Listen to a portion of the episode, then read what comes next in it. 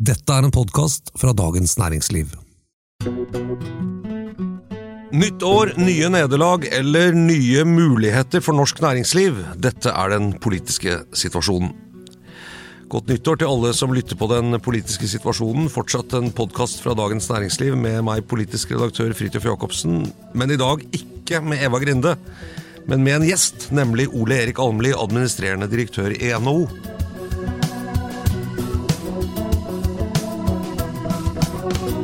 Velkommen. Tusen takk.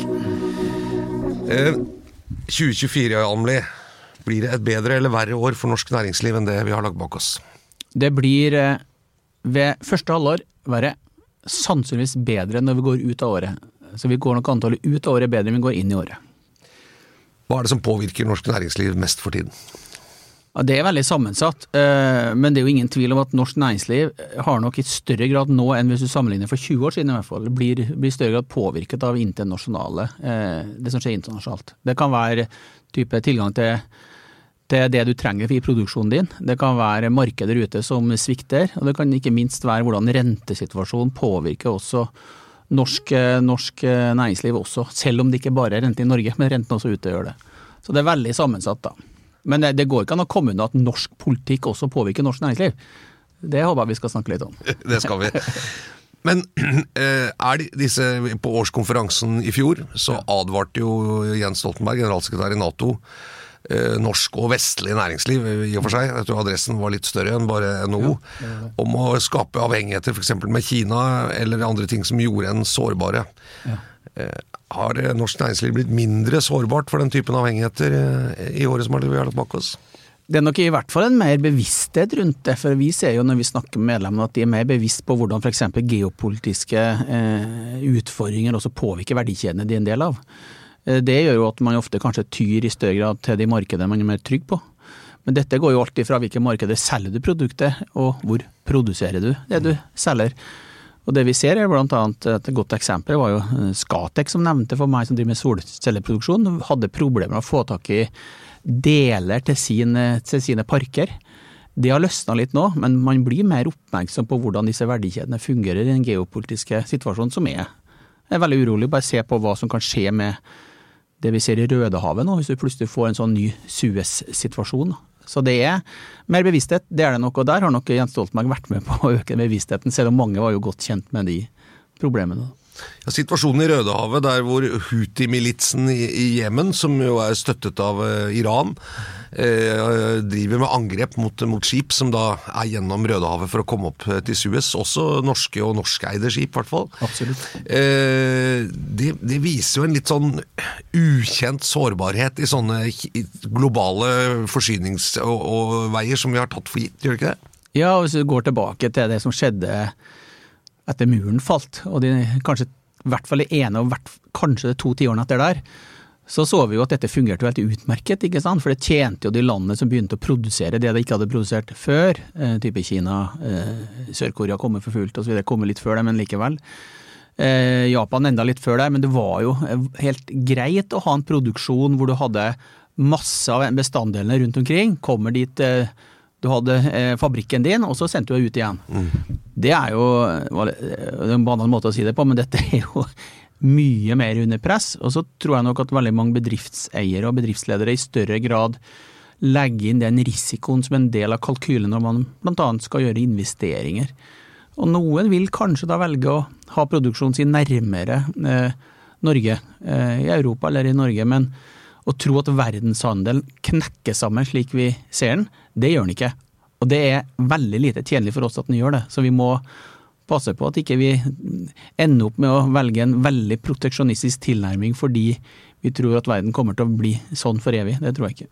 Vi ser jo at eh, USA f.eks. Eh, er opptatt av å flytte mer industriproduksjon, særlig da av eh, miljø-, klimateknologi, batterier, til sitt eget land. Og stimulerer jo til det med ganske kraftige subsidier. Vi ser også tilløp til litt sånn subsidierace i, Europa for noen næringer. Og for en liten økonomi som Norge, hvordan, hvordan påvirker akkurat den biten der norsk næringsliv? Det du beskriver nå, Fridtjof, er kanskje et av de mest typiske trekkene med 2023 at det skjedde et stort skifte, hvor at det ble en større aksept for å bruke eh, subsidier. Det, det, litt mer, det, kanskje litt upresist, men bruke mer subsidier for å sikre både beredskap, som er viktig, men også sikre større eierskap til verdikjedene. Og for USA, som velger en ganske så proteksjonistisk tilnærming, så betyr det bl.a. at man betaler europeiske eh, bedrifter for å komme til USA, produsere eh, bl.a. grønne løsninger eller grønn energi, og i tillegg legge eh, skatt rundt USA, slik at du får en sånn dobbelteffekt. Og så er det sånn at Kina, eller USA unnskyld, velger jo da en tilnærming hvor de bruker skattelettelser, egentlig som subsidier. Mm. Kina trenger vi ikke å snakke om her, for de har en helt annen tilnærming, men, mens i Europa så velger man da støtteordninger. Det er litt forskjellige måter å gjøre det på. Og jeg er jo for å bruke skattelettelser eh, til å, til å drive industri, men da vil jeg nok velge en mer næringsnøytral tilnærming enn det USA gjør. Men dette må vi ta inn over oss i Norge, fordi at plutselig så har du norske virksomheter som vurderer skal vi gjøre den investeringen i Norge som vi har tenkt, eller skal vi gjøre investeringen et annet sted. Og dette er jo noe som store aktører i Norge kjenner på allerede i dag. Det blir jo av og til litt spøkefullt eh, sagt, eh, av noen politikere i hvert fall, selv om ikke de tør å si det offentlig, at eh, man vet jo at en del av dine medlemsbedrifter er jo de kjemper ganske hardt mot skatt. Ja. Men samtidig vil de også ha ganske mye støtte fra staten. Er det et litt sånn paradoks som har grodd opp i norsk næringsliv, at man, man ser for å få ha begge deler? Ja, jeg, jeg, kjenner litt på det og det skal jeg være så ærlig å si. For under pandemien blant annet så var det jo slik at det ble gitt eh, støtteordninger til bedrifter for å komme seg over den eh, krisen man sto i. Dette var jo ikke noe særnorsk på noe vis, det var jo likt i egentlig hele verden. Mm. Eh, til og med i fattige land i Afrika så ble det brukt støtteordninger for å sikre at den industrien de sto for, kom seg over krisen. Men sånn i ettertid så har det kanskje satt seg et sånn inntrykk at man bedre, ber om å få støtten når man trenger det, men man skal beholde gevinsten når man har det. Dette får vi ta inn over oss, og det er også viktig at næringslivet eh, ikke alltid skal sys puter under armene. Men når det er sagt, så må det ikke heller bli sånn at når vi snakker om å bl.a. sikre at vi har kraftproduksjon i Norge, så er det et spørsmål om subsidier. Det er også et spørsmål om å ha verdikjeder som fungerer godt. og, og norsk næringsliv vil helst, sannsynligvis, eh, hvis du spør de fleste, da, ha et system hvor det er næringsnøytralitet, tilgang til markeder, og hvor skatte- og avgiftsnivået er slik at det er konkurransedyktig med, med andre. Men når store aktører ser at de kan få milliarder av kroner i støtte ved å flytte f.eks. til Tyskland eller USA, så er det jo ikke så rart at eiere eh, ser på det. Før eh, pandemien, eh, og kanskje helt fram til liksom, pandemien var over og vi nå har både energi, hatt en veldig krevende energisituasjon og, og høye renter, mm. så har jo næringslivet, og i nesten hele din sjefsperiode fra 2018, det bare vært en sammenhengende opptur. Mm. Og man ser jo da når det begynner å komme ruskete farvann, både pandemi, strøm og sånn, så kommer veldig fort kravet eller ønsket om støtte. Men betyr det at, at næringslivet rett og slett er så lenge siden det har vært dårlige og krevende tider at man er ikke lenger forberedt på det? Nei, Jeg synes det er et veldig godt spørsmål. Eh, og jeg tror kanskje at, eller Vi har jo måttet gått litt i oss selv også der. ikke sant? Det, det kan være sånn eksempel på det. Skal det være strømstøtte eller ikke til bedriftene? Og så må jo det balanseres opp med hva er kostnaden med å ikke hjelpe, da. Betyr det tapte arbeidsplasser? Betyr det flere konkurser enn du egentlig har planlagt? Og hvis du ser på bygg- og anleggsnæringen nå, da, ikke sant, så står vi kanskje foran en situasjon som er ganske vanskelig for de. Men vi må nok ha en litt mer nyansert debatt også hos oss, og så må vi ha en mer nyansert debatt i offentlig ordskifte, hvor f.eks. Jeg hadde ønska at vi fått en skattedebatt som hadde vært litt sånn utgangspunktet. Er skatt en inntekt for staten? Utvilsomt det er en inntekt, men en utgift for bedriftene. Så hvis vi heller får en debatt om det, skal vi f.eks. ha en eierbeskatning i Norge som den er? Skal vi kutte eierbeskatningen litt, slik at det er lettere å være norsk eier og investere i norske løsninger? Så er det en mye mer sunn debatt enn at vi skal bruke masse statlige penger på å støtte en næring som kanskje ikke trenger støtte. Det må vi, det må vi ta inn over oss, og så må vi tåle å stå i den debatten.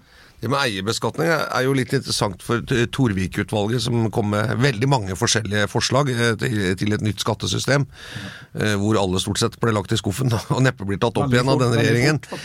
Men én ting som gikk på eierbeskatning, eh, som, som Torvik og hans utvalg, i hvert fall stort flertall av de sa, var at man får eh, litt forenklet fjerne formuesskatten og heller erstatte den med en arveskatt. For som han sa, det, påvirker på en måte, skal ikke påvirke beslutningene du tar mens du lever, og når pengene virker, men hva som skjer etter du er, er, liksom er død, det er, ikke, det er ikke så farlig. og Det hadde vært en bedre måte å beholde det provenyet på, men samtidig ikke ha negativ innvirkning da, på næringslivet. Hvordan ser du på det forslaget der?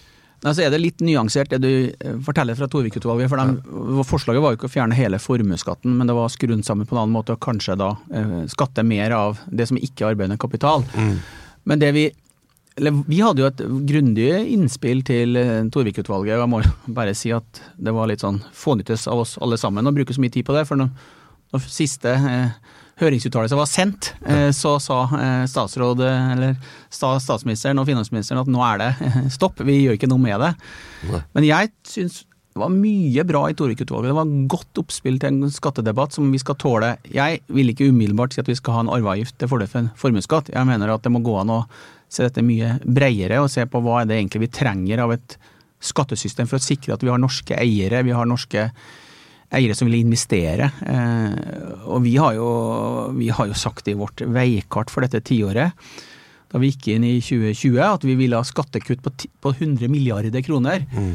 Og hvis vi gjør opp status i dag, Fritjof, så er vi da altså på 150 milliarder unna det. ikke sant? Så, så, det går i gæren retning. Men, men, å få en debatt om at eierbeskatningen har en betydning for arbeidsplasser i Norge, det tror jeg vi har godt av å få på plass. Og så får vi nå se hvordan vi eventuelt får et et nytt skatteoppspill. og Jeg tror det er lurt at, at et storting bruker tid hvert 20. år, hvert 30. år på breie skatteforlik og gode diskusjoner rundt det. det. Er sunt for Norge, og det er sunt for Stortinget. Men, men, med ditt kjennskap til eh, norske eiere, og flere av de er jo familier som har eid i, i, flere generasjoner, og det, og det, kjenner vi jo litt til her fra, fra DN også, eh, er det ikke litt naivt å tro at utsiktene til en ganske betydelig arveskatt på store formuer, at, at ikke det vil påvirke f.eks. flytting til Sveits eller sånne ting. Ja, det, ikke sant? Ja, ja, klart det gjør det. Og det, altså, det er ikke sånn at Altså, vi har, Det at, vi, det at arve, arveskatt eller arveavgiften blir fjerna, mm. det har jo ført til at du i større grad beholder kapital over generasjoner. Mm. Kjempefordel. Og Hvis du da ser at det er et eller annet utsikt til at du mister hele eller deler av kapitalen din, så vil jo det også bety at du plasserer pengene dine på en annen måte, og du vil kanskje få en flukt ut av Norge. Men så jeg mener at du burde, sånn helt opplagt, ikke ha arveavgift, og du bør ikke ha formuesskatt. Men vi kan heller ikke ta den debatten fra vår side uten å komme med forslag til hvordan vi skal ha et skattesystem som er bærekraftig også fra offentlig sektors perspektiv.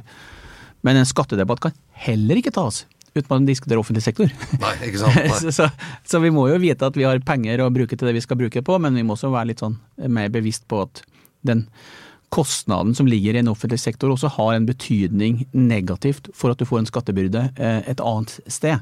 Så dette er komplisert, men, men at Stortinget ikke ønska å ta en debatt om dette, basert på Torvik-utvalget, det syns jeg var en fallitt for det norske eh, Stortinget og norsk politikk. Vi må jo kunne diskutere skatt av og til. Ja, ja, det... på, et bredere, perspektiv. Det syns jeg, var, jeg var dårlig av regjeringen, det må jeg bare være så ærlig å si. Ja, jeg syns det var litt uh, uh, og, og, det betyr jo også at det antakeligvis blir lenge til. Med mindre liksom en ny regjering kanskje tar det opp av skuffen eller noe sånt, men det det er noen mange år fram i tid før vi eventuelt får et skatteforlik i Stortinget, det tror jeg uansett. Men det hadde vært ønskelig, og jeg tror det hadde tjent også, uansett hvilken side du har av politikken, å få en mm. ordentlig gjennomgang. Rentetoppen kan være nådd, sier statsministeren og flere andre, med håp i stemmen i, i nyttårstaler andre steder. Hva tror du? Nei, Våre eksperter på området, samfunnsøkonomene, eh, sier også at de tror at rentetoppen kan være nådd nå. Eh, men, men, men, når du snakker om rentetopp, eller når noen gjør det, da, Fridtjof, så kan man få inntrykk av at det er liksom sånn fjelltopp, at man går opp, og så begynner man å gå ned igjen. Eh, et annet uttrykk kan være rentetaket. Mm. At vi er på rentetaket. Så det er jo først når vi begynner å gå ned, at vi ser at vi begynner å få At vi kan tenke sånn, nå er vi på vei ned igjen, da. Jeg tror jeg er nok blant dem som er litt sånn eh, som støtter tilnærmingen til at du bruker rente til å styre politikken. Jeg, vi har jo eh, andre eh, i arbeidslivet, LO blant annet, som har vært veldig kritisk til den tilnærmingen. Jeg tror vi må tåle å gjøre det på den måten.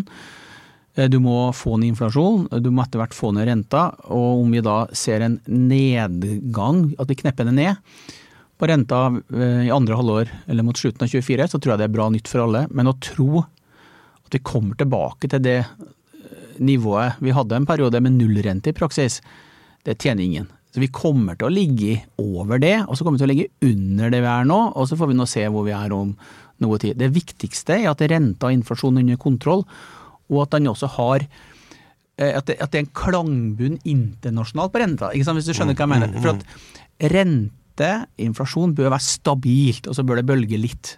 Men det må være stabilt. Så det er vi i en situasjon nå når vi må bruke renta til å styre, eh, styre økonomien. Det må vi tåle, og at eh, bankene får kjeft for det. Det syns jeg er litt sånn Banken er et instrument for, eh, for, Norsk, for Norge, eh, og sentralbanken har lov til å bruke det på den måten de gjør. Og så kan vi jo alle håpe at renta går ned, og mange bedrifter håper jo det. Men vi må tåle å stå der vi er nå også. Hvorfor er aktiviteten i norsk, eller norsk økonomi såpass høy, og ledigheten såpass lav selv etter alle disse renteøkningene? Ja, det mener jeg er et veldig veldig godt spørsmål. Det var en samfunnsøkonom som sa til meg at alle, alt det vi lærte på skolen er jo liksom bare Hvorfor skjer dette? Hvorfor skjer det sånn? Eh, og jeg, eh, Hvis du ser på sysselsettingen, da, eh, så ser du jo det, Fridtjof, at eh, sysselsettingsandel øker jo. Ikke sant? Selv om vi har altfor mange utenfor jobb, så sysselsettingsandel øker. Ledigheten er veldig lav. Vil kanskje stige litt i 24 og litt i 25, men fortsatt på nivået som er veldig lav. Og våre bedrifter, når du spør dem, så er det det de er mest bekymra for på sikt, er jo mangel på arbeidskraft. Mm. Det utfordrer oss litt på andre måter, da. Hva er det egentlig vi står overfor? Jeg tror vi står overfor eh, en, en, eh, fort en økonomi som bremses av mangel på arbeidskraft. Da snakker jeg i tiårsperspektiv, ikke i, inn i bare 24. Og hvordan møter vi det? Jo, da må vi møte det med en helt annen tilnærming til teknologi til effektivisering. Vi må tørre å ha som mål å få ned bemanning for å flytte den der den er mer produktiv. Så vi kommer jo, vi skal ha en årskonferanse nå til uka, eh, den årlige NO-konferansen. og Der kommer vi bl.a. til å løfte opp hvordan eh, kan teknologi, kunstig intelligens, gjøre det mulig å flytte arbeidskraften fra der den er for lite produktiv, til der er mer produktiv. Og Dette bør egentlig etter min mening være et politisk forlik i Stortinget på å tørre å se på det, og ikke være redd for at teknologi kan koste oss arbeidsplasser.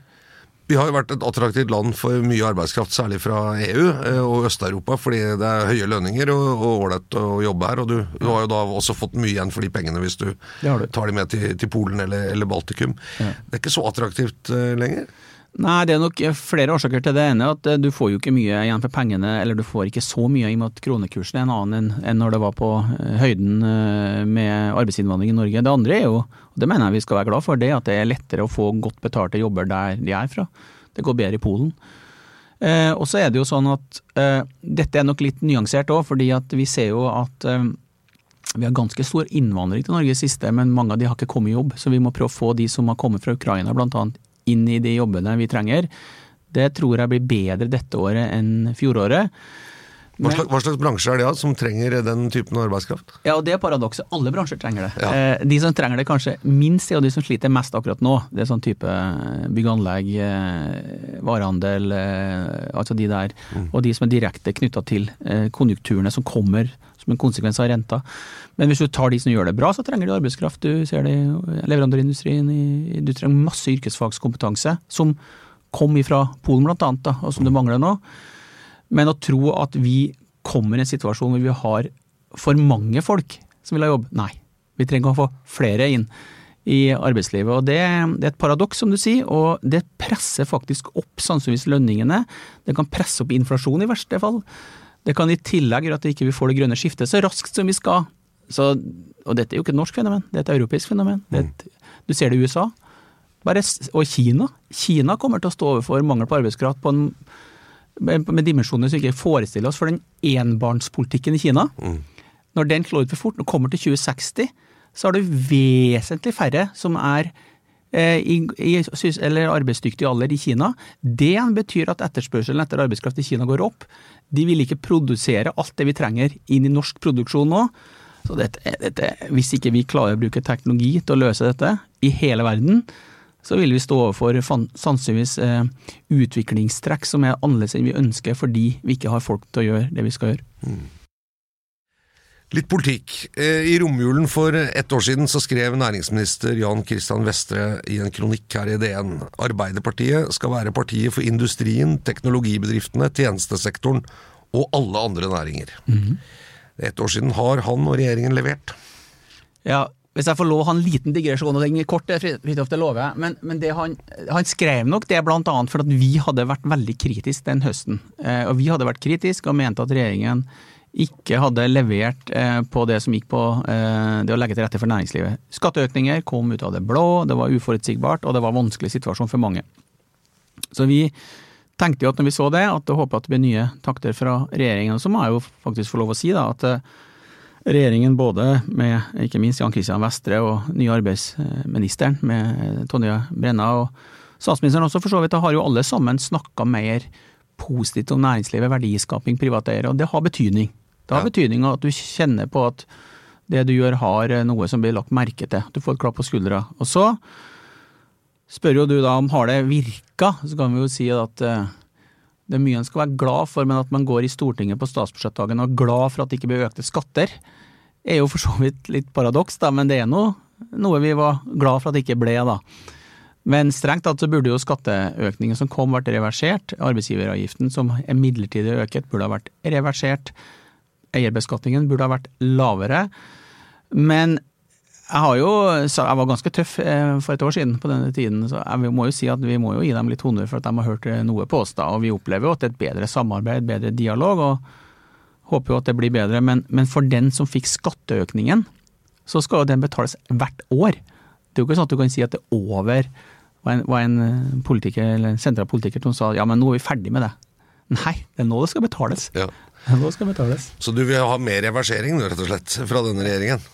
Eh, ja, og da sikter jeg ikke nødvendigvis til kommunesammenslåinger og fylkessammenslåinger, da sikter jeg nok i større grad til, til skatte, de skatteendringene som har kommet. Men om vi har, og jeg mener at eh, det ville ha tjent en eh, Arbeiderparti-Senterparti-regjering også å fjerne eierbeskatningen. Eh, fordi at veldig mye av, av eh, den, de tyngre lokalt forankra eierselskapene vi har, de er eh, rundt omkring i landet de som skaper verdier som sikrer lokalsamfunn. Så det ville ha vært god er ikke alle i Sveits snart, da? Nei, det, flere og flere har jo flytta dit, det er jo en kjensgjerning. Men de aller fleste eierne er jo igjen i Norge, og de bør jo få ikke bare et klapp på skuldra, men også beskjed om at nå er det forutsigbart, det er mindre politisk risiko, og vi kutter skatter. Men, men sånn, helt ærlig talt så er jeg ikke så sikker på om det skjer, da. Men eh, la oss nå Vi jobber for det, og vi jobber langsiktig. Vi jobber i et 50-årsperspektiv uansett. Et 50-årsperspektiv, ok. Ja, ja. Hva, hva, er det som butter mest i norsk politikk, sett fra der du sitter, bortsett fra skatt, da? Ja, jeg ville uansett ha nevnt skatt. Og så tror jeg, tror jeg at eh, sånn generelt, da, og da snakker jeg om Stortinget som helhet, da, at vi er litt handlingslammet. Vi, vi, ser, vi, vi jobber jo mye i Europa, eh, vi jobber mye mot USA, men spesielt i Europa. Vi ser at det er litt mer Ikke panikk, for det er ikke riktig ord, men det er litt mer handling, da. Eh, og vi tror jo blant annet på grønn Vi tror jo at vi må ta grep på kraftproduksjon, f.eks trenger mer eh, fornybar kraft i Norge, og 2023 var et eh, dårlig år. Det var et år med bremsene på, har vi sagt om 2023. og Derfor så trenger vi mer handling. Vi må legge til rette for å få bygd den kraften vi trenger, blant annet. da, og så kommer nok vi dette året til å snakke mye mer også om hvordan vi kan bruke teknologi til å løse problemer, og hvordan vi kan ha en kompetanse- og utdanningspolitikk i Norge som vil legge til rette for å gi oss den kompetansen vi trenger. Men men la nå 2024 være handlingens år, da. Det hadde jo vært noe. Så vi møtes om et år, Fridtjof, så kan jeg si at det var handlingens år. Da hadde jeg blitt eh, litt mer fornøyd. Ja. Hvis du sier om et år, da, da, da tror jeg da er du i ferd med å slutte som ja, ja, nei, ja, nei, vi, skal, vi, skal, ja, vi skal være forsiktige, men, men jeg tror også det bør være i politikkens interesse å ha litt mer handling nå. Nå er vi mm. to år inn i denne stortingsperioden, det er to år igjen, og nå må det leveres, altså. Ikke minst på å legge til rette for kraftproduksjon. Men det er jo ikke bare Stortingets ansvar, det er ikke bare regjeringens ansvar, det er også lokalpolitikere som da dessverre i mange kommuner har låst muligheten for vindkraft, bl.a. på land. I fjor eh, var det lønnsoppgjør, og det endte jo med streik. Eh, og i, en, i storstreik, rett og slett. Eh, det skjer jo ikke så ofte. Og resultatet ble jo da et noe bedre sentralt oppgjør, og litt mer, skulle i hvert fall være reallønnsvekst. Nå venter man jo på tallene og de riktige utregningene, men eh, lederen i Fellesforbundet, Jørn Eggum, han sa til VG i romjulen at eh, de har satt av en milliard til streik også i år, og at han krever skikkelig reallønnsvekst i år. Ja. Jeg skal ikke spørre om du kan levere det, men har du, har du en viss forståelse for at LO eh, er, krever mer reallønnsvekst for sine medlemmer? Det er ikke noe jeg blir ikke noe overrasket over at Jørn Eggum sier det, han, at, og at han har en milliard til å bruke og stå i streik. Det, Det bør han jo si også. Men, men jeg, har, jeg, har, alltid forstått altså det, det, er jo ikke manglende forståelse eh, for kravene, men jeg opplever jo at LO-siden, og kanskje spesielt eh, Fellesforbundet og, og de, de, forbundene som er tilknyttet privat sektor, er jo ofte veldig ansvarlig. Altså de bygger langsiktige løp når det gjelder lønnsoppgjør, for å sikre at også konkurranseutsatt næring Eh, og spesielt knyttet til eksport, eh, er eh, konkurransedyktig også om noen år. Så vi opplever en ansvarlighet også fra arbeidstakersiden som vi setter pris på. Og så er det jo sånn at før et oppgjør sånn, så må man vise posisjoner, og det kommer både LO-systemet og NHO-systemet til å gjøre rundt månedsskiftet februar-mars. Så setter man seg ned og forhandler, og så blir det ofte mekling, og så får man se hvor man er. Men jeg, jeg skjønner jo at i den tiden vi står i nå, så er det ikke så, det er ikke overraskende at kravene kommer til å bli store. Man har opplevd reallønnsnedgang over noe tid. Man har opplevd at uh, prisen har gått opp. Uh, og Da må man også ha respekt for de kravene. Men dette må balanseres opp imot at vi må sikre konkurransekraften til norsk næringsliv. Og helst også øke konkurransekraften. Fordi vi har hatt en veldig fordel av kronekursen nå. Jeg tror kronekursen kommer til å gå opp, eller det er ikke bare jeg som tror det. Mm. Og når den går opp, så rammer det eh, eksportindustrien. Eh, og vi må passe på at vi slipper at vår lønnsdannelse er så innmari avhengig av kronekursen. Det må vi ikke, og det er ingen tjent med. Men er det litt tankevekkende at denne modellen for lønnsdannelse i Norge, som vel Ja, den er jo lagd tidlig på 90-tallet? Egentlig, e egentlig lenger tilbake. Ja. Du kan spole helt tilbake til 60-tallet, men, men, ok. Men, ja, ok, men la oss si etter lockouten med NAF og Krabby, og, om ja. man fikk eh, altså, eh, som man sier, ansvarlighet, da, ansvarlig lønnsoppgjør. Ja. Men at når man ser på en del økonomer som sier at for si, de brede lag av ansatte, så er det rett og slett veldig svak reallønnsvekst eh, over mange år. Eh, mens eh, et toppsjikt i bedrifter og, og eiere sånn stikker av med veldig mye av gevinsten. Er ikke det en sånn svakhet eh, med modellen som kan true hele prinsippet om ansvarlighet? Jo, du, og det, det, du må gjøre da, og det har det også vært aksept for i alle leirer, egentlig at du må se dette litt over tid. Eh, og det man kaller overskuddsdeling, da, ikke sant? som er at du har et overskudd i en bedrift, og hvordan deler du det mellom eier, og, og, eller eiere og, og, ansatte. Det må være en, det må være en fornuftig eh, deling der. Det, alt annet vil være feil, for da vil du miste lojaliteten til det systemet. Og det måles jo naturligvis i gode dager, men det måles jo først og fremst når det er dårlige dager. Mm. Og der har jo både vil jo jeg si både LO-siden og NHO-siden vært ganske omforent på at dette må være noenlunde logisk og noenlunde legitimt. Og, det, det, og hvis det er behov for å, å, se på det over tid, så gjør man jo det. Så får vi nå se når vi skal nå forhandle noe, men, men jeg opplever at en ansvarlighet og en ro rundt sånne ting som kanskje ikke nødvendigvis speiler det som blir sagt i media. Så får vi nå se. Men ingen er tjent med at vi man vil forhandle seg ut porten, som de har sagt på fagforeningssiden. Så, så, det blir helt sikkert tøffe forhandlinger. og Vi må også ta hensyn til at det er en del bedrifter som sliter, og vi kan ikke lage et lønnsoppgjør bare for de som gjør det veldig bra, og som pålegger eventuelt de som sliter, da lønnstillegg som gjør at de ikke klarer å opprettholde virksomheten. Så Et annet spørsmål er hvor mye får du sentralt, hvor mye kan du forhandle fram lokalt. Så dette er masse vi vet hva vi skal gjøre det neste måned. Dette skal vi bruke mye tid på. Frykter du at det blir streik i år, altså? Jeg er ikke nødvendigvis av de som frykter streik. ikke sant? Streik og lockout er en del av det verktøyene man har å bruke hvis det blir konflikt. Og så tror jeg ingen er tjent med at det er mye streiker, men det at det var en streik i fjor, sånn er det. Det får vi tåle. Eh, og jeg sa da at det var en unødvendig streik, og det mener jeg fortsatt.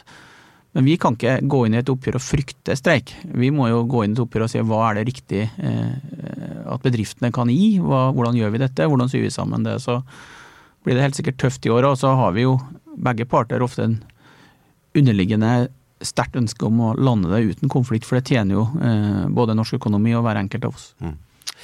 Neste uke, på tirsdag, så er det altså NHOs årskonferanse i Oslo Spektrum. Eh, det er jo etter hvert et veldig sånn tradisjonsrikt punkt i man kan kalle eh, kalenderen for Oslo-eliten, dette her. Eh, og når starten på året. I et innlegg her i, Dagens Næringsliv så skriver Rødts Sofie Marhaug om konferansen, og da skriver hun Årskonferansen har blitt en merkelig nyttårstradisjon. Etter en jul der vi har diskutert fattigdom og voksende matkøer, starter vi alltid det nye året med å gi ordet til de rikeste og mektigste blant oss.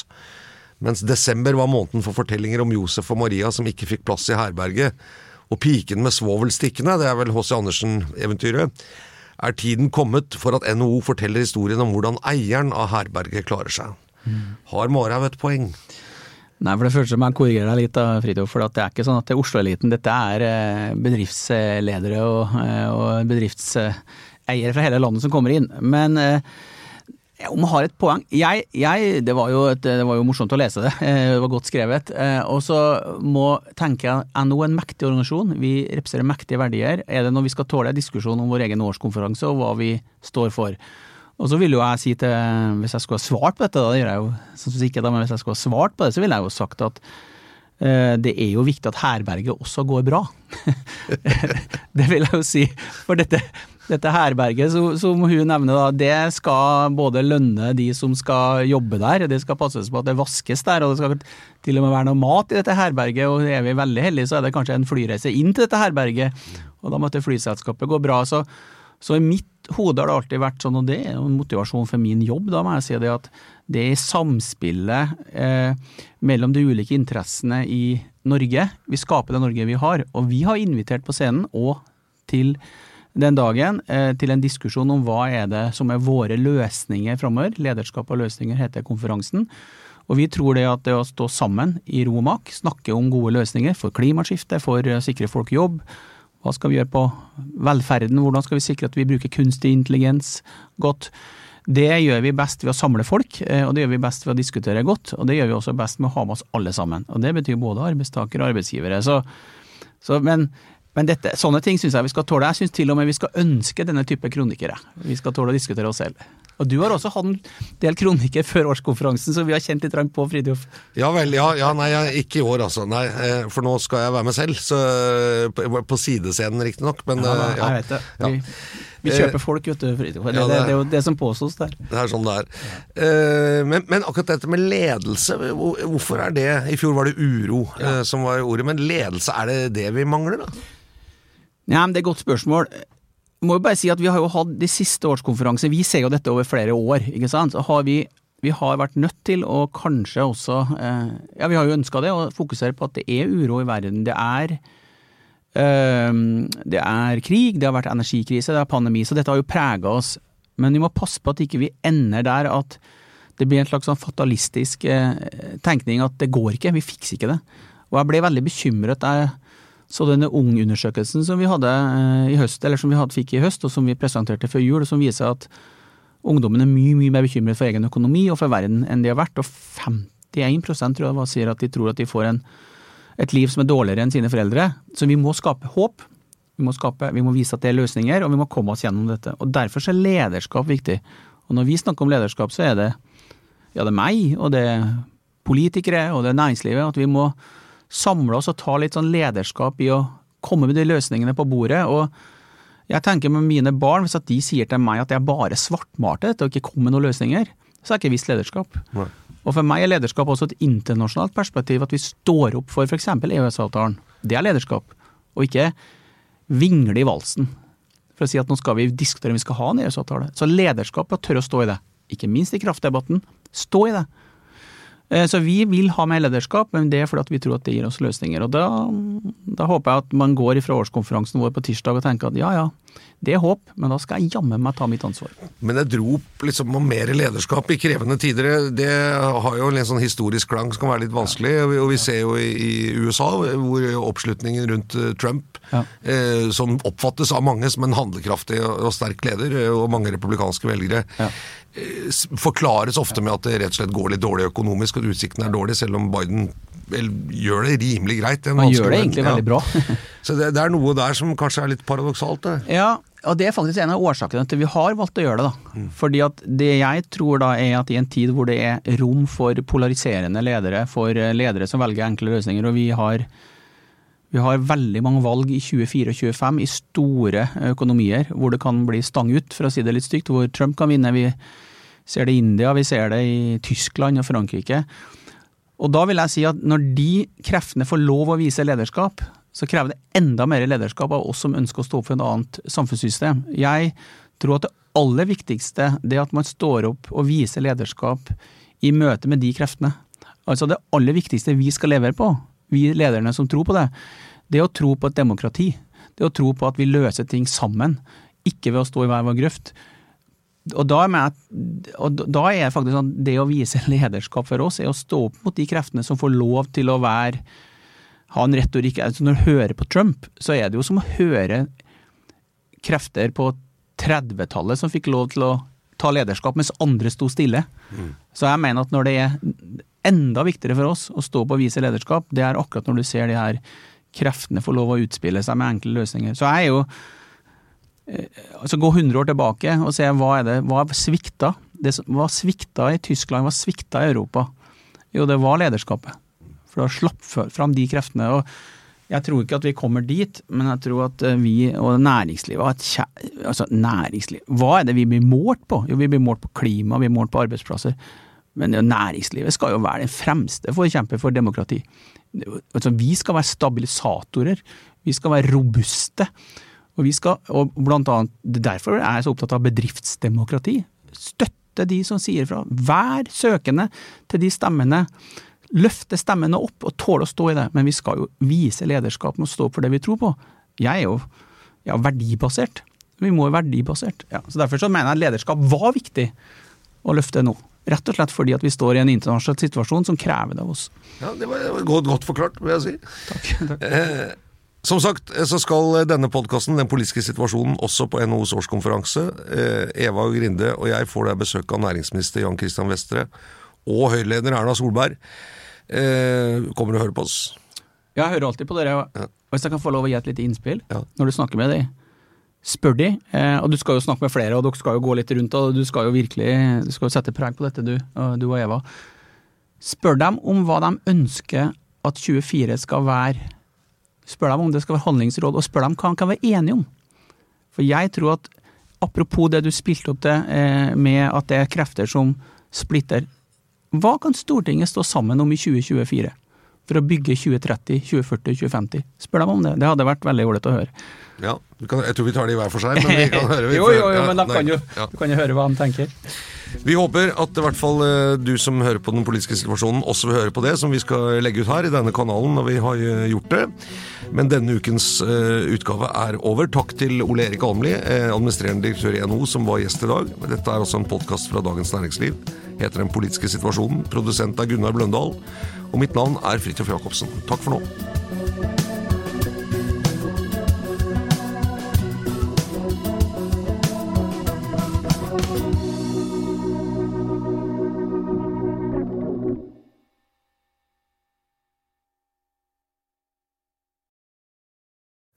Du har nå hørt en podkast fra Dagens Næringsliv.